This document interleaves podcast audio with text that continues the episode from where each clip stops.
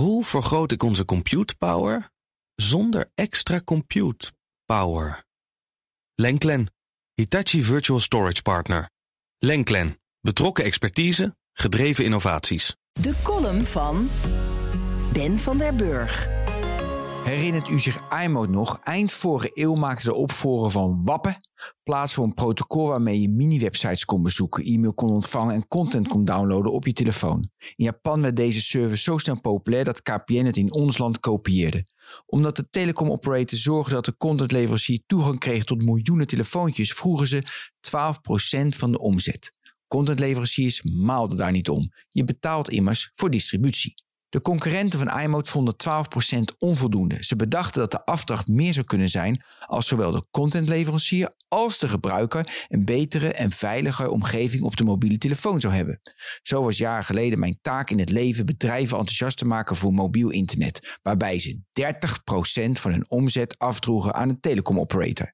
Die 30% was volkomen willekeurig gekozen. Ik heb Excel-sheetjes gezien met 40% en met 20%. We kwamen in het midden uit.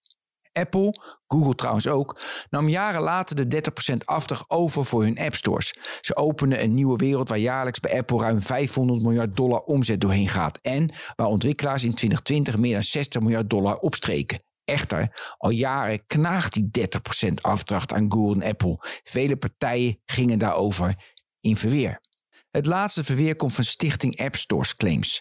Met boegbeeld Alexander Klupping eisen 1 miljard euro van Apple en Google om de 30% provisie. Klupping stelt dat een percentage van 14% eerlijker zou zijn. Wat een heerlijke actie. Jarenlang hebben we Big Tech geen stroopbreed in de weg gelegd om almachtig te worden.